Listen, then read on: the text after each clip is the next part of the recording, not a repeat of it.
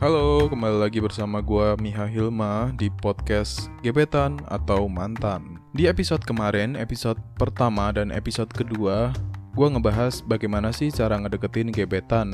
Namun, di episode ketiga ini adalah episode yang terakhir, bagaimana cara mendekati gebetan. Di episode kali ini gua akan ngebahas atau memberikan kalian tips-tips bagaimana sih cara mendekati dan ini berkesinambungan sama episode-episode yang pertama buat temen-temen, buat lo semua yang belum dengerin episode yang pertama dan episode kedua, kalian bisa dengerin dulu karena ini akan ada sangkut pautnya sama episode sebelum-sebelumnya. Jadi kali ini tanpa banyak basa-basi, gue akan langsung kasih tips selanjutnya karena kemarin-kemarin ada tips yang terakhir yang gue inget itu jangan terlalu banyak menggoda atau jangan terlalu banyak flirting. Nah, buat kalian yang penasaran, kalian bisa kunjungin di podcast gue yang episode kedua, podcast gebetan atau mantan. Oke, untuk tips yang pertama kali ini yaitu jangan terlalu memaksa. Berkali-kali gue ngomong kalau kita itu, baik kita cowok atau cewek, lagi deketin gebetan itu artinya kita lagi berjuang. Artinya jangan banyak maunya deh dan jangan banyak maksa.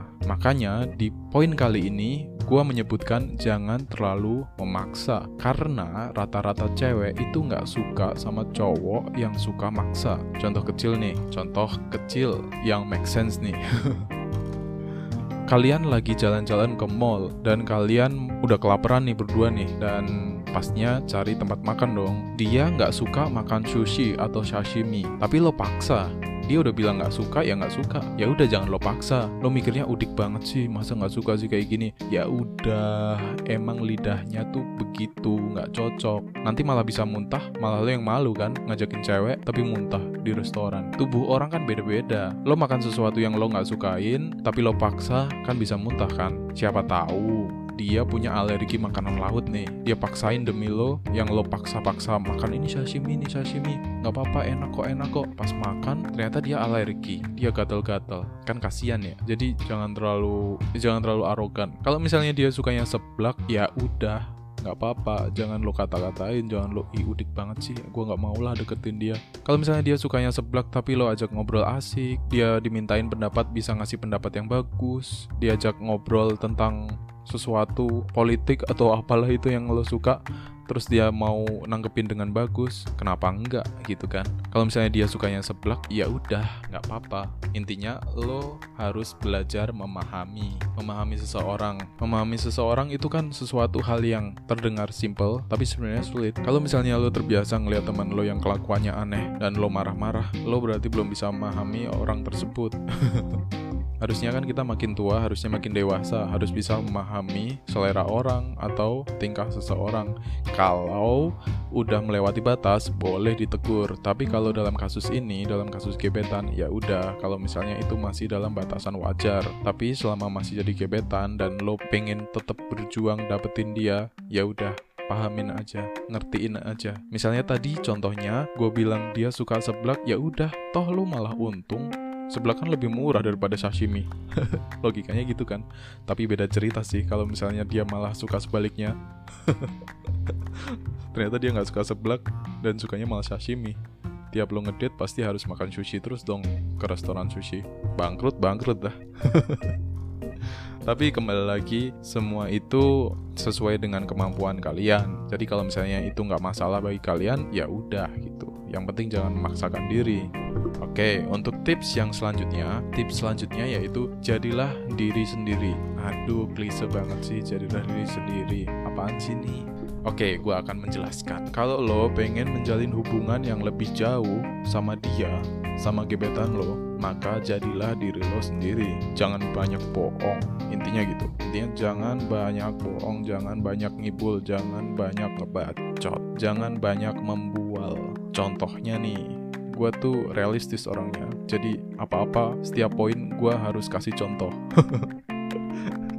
ya kan gitu biar make sense dan gampang dicerna sama lo semua yang dengerin ini. Contohnya nih, lo misalnya bela-belain minjem mobil ke temen lo nih, dan lo jemput dia dan bilang lo ngaku-ngaku nih ini mobil gua dan lo ngaku atau lo ngaku tinggal di perumahan padahal aslinya di kampung. Eh nggak masalah sih tinggal di kampung, tapi jangan ngomong yang tidak fakta gitu loh. Karena lambat laun bakal nyiksa lo. Kalau misalnya kalau misalnya lo ada yang ngelakuin kayak gitu terus apaan? Gue nggak ketahuan? Ya lo bisa nggak ketahuan sekarang tapi bisa aja itu jadi bom waktu buat lo. Nggak seru kan? Makanya sekali lagi jadilah diri sendiri. Lo punyanya apa? Lo pribadi seperti apa? Ya udah bukan menjadi pribadi yang lain. Bukan berarti lo orangnya yang biasanya petakilan, orangnya yang biasanya ngomong jorok, terus tiba-tiba gue nggak ngomong jorok, berarti bukan jadi diri gue sendiri. Bukan gitu. Itu artinya lo jadi diri lo sendiri, tapi lo rem, lo tahan. Itu kan termasuk perbuatan yang kurang bagus. Jadi untuk masalah pribadi, lo jadi pribadi lo sendiri, tapi sesuatu yang kurang bagus, lo bisa rem, lo bisa sesuaiin dengan dia.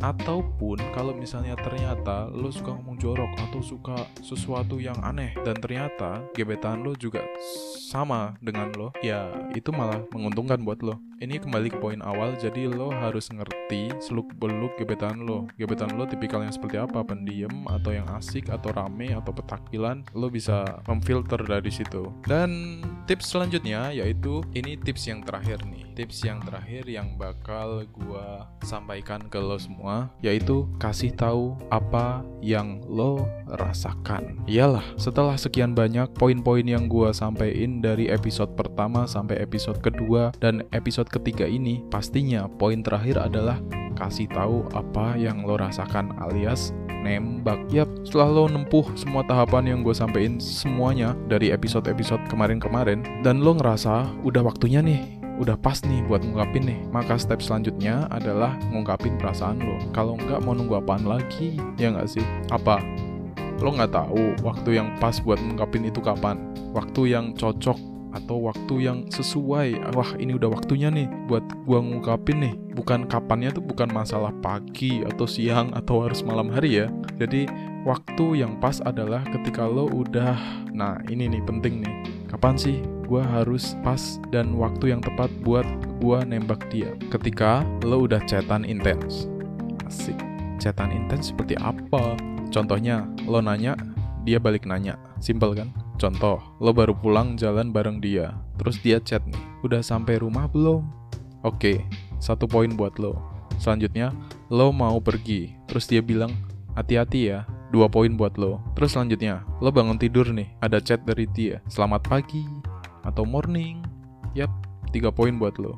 Apakah ini cukup? Tentunya belum dong. Yang paling-paling bikin lo yakin, nih, dia mau cerita apa pun tentang dia tanpa lo tanya baik itu masalah kuliahnya, kerjaannya, dia seharian ngapain aja, ortunya habis beli sofa baru mungkin atau apa aja lah. Pokoknya yang sifatnya pribadi gitu. Artinya kalau dia mau cerita sesuatu tanpa lo harus tanya, tiba-tiba dia cerita aja, tadi seharian aku kayak gini gini gini gini gini. Itu artinya dia udah nyaman sama lo dan pastinya lo harus peka dong. Gue di sini menempatkan lo sebagai cowok nih kalau misalnya cewek udah kayak gitu lo diemin doang karena takut nembak. Elah lo bingung cara nembak gimana? Waduh duh duh duh. Di podcast lain deh gue bakal kasih tips cara nembak gebetan yang paling canggih dan auto diterima. Waduh waduh. Bergaransi lagi waduh. Siapa yang jamin? Pokoknya intinya ntar di podcast selanjutnya gue akan ngasih lo tips bagaimana sih cara nembak gebetan yang paling oke okay, paling canggih paling mujarab asik mujarab paling pokoknya auto diterima lah jadi intinya, yang paling penting lo berani dulu ngungkapin dan lo bakal lebih puas. Nantinya lo bakal lebih puas nih. Kalau misalnya dia nolak lo ketika lo udah ngungkapin, ya kan? Karena bang, kalau ditolak gimana bang? Kalau misalnya dia nggak suka sama gue gimana bang? Kalau misalnya dia nggak mau jadi pacar gue gimana bang? Ya itu intinya lo bakal lebih puas kalau dia nolak lo ketika lo udah ngungkapin daripada lo cuma diem aja dan kebanyakan pembelaan ketika dia pergi ninggalin lo yang belum menyatakan apa pun gitu. Banyak teman-teman gue yang cewek bilang kalau padahal aku udah ngasih harapan ke dia, udah ngasih lampu hijau ke dia, tapi dianya nggak nembak-nembak, dia malah diem aja. Ya udah terus ada cowok yang nembak aku ya udah aku jadian aja sama dia. Padahal aku juga suka sama temenmu. Tapi dia diem aja nggak nembak aku. Nah. Kalau kayak gitu tinggal nyesel doang kan? Paling lo nungguin si cewek itu putus terus baru lo nembak lagi. Tapi kelamaan nggak sih nungguin orang putus? Nah tadi gue sampein tiga poin yang mungkin akan dapat membantu lo semua dalam mencapai lampu hijau dan langsung menyatakan perasaan ke dia. Jangan kata gue ngasih tips kayak gini gue selalu diterima ya. Gue juga pernah ngungkapin ke cewek eh pernah nggak ya? Ngungkapin ke cewek terus dia bilang kayaknya kita temenan aja deh. Ya gue pernah merasakan itu jadi ya udah yang penting dia udah tahu kalau nggak suka kenapa nggak jadian sama dia? Ya dia nggak mau ya udah. Kan gitu. Daripada banyak pembelaan atau banyak oh, aturan dia sebenarnya suka sama gue tapi dia ah, apalah itu. Intinya lakuin dulu action dulu take action. Ntar masalah dia mau apa enggak urusan belakangan. Yang penting dia tahu kalau lo suka sama dia.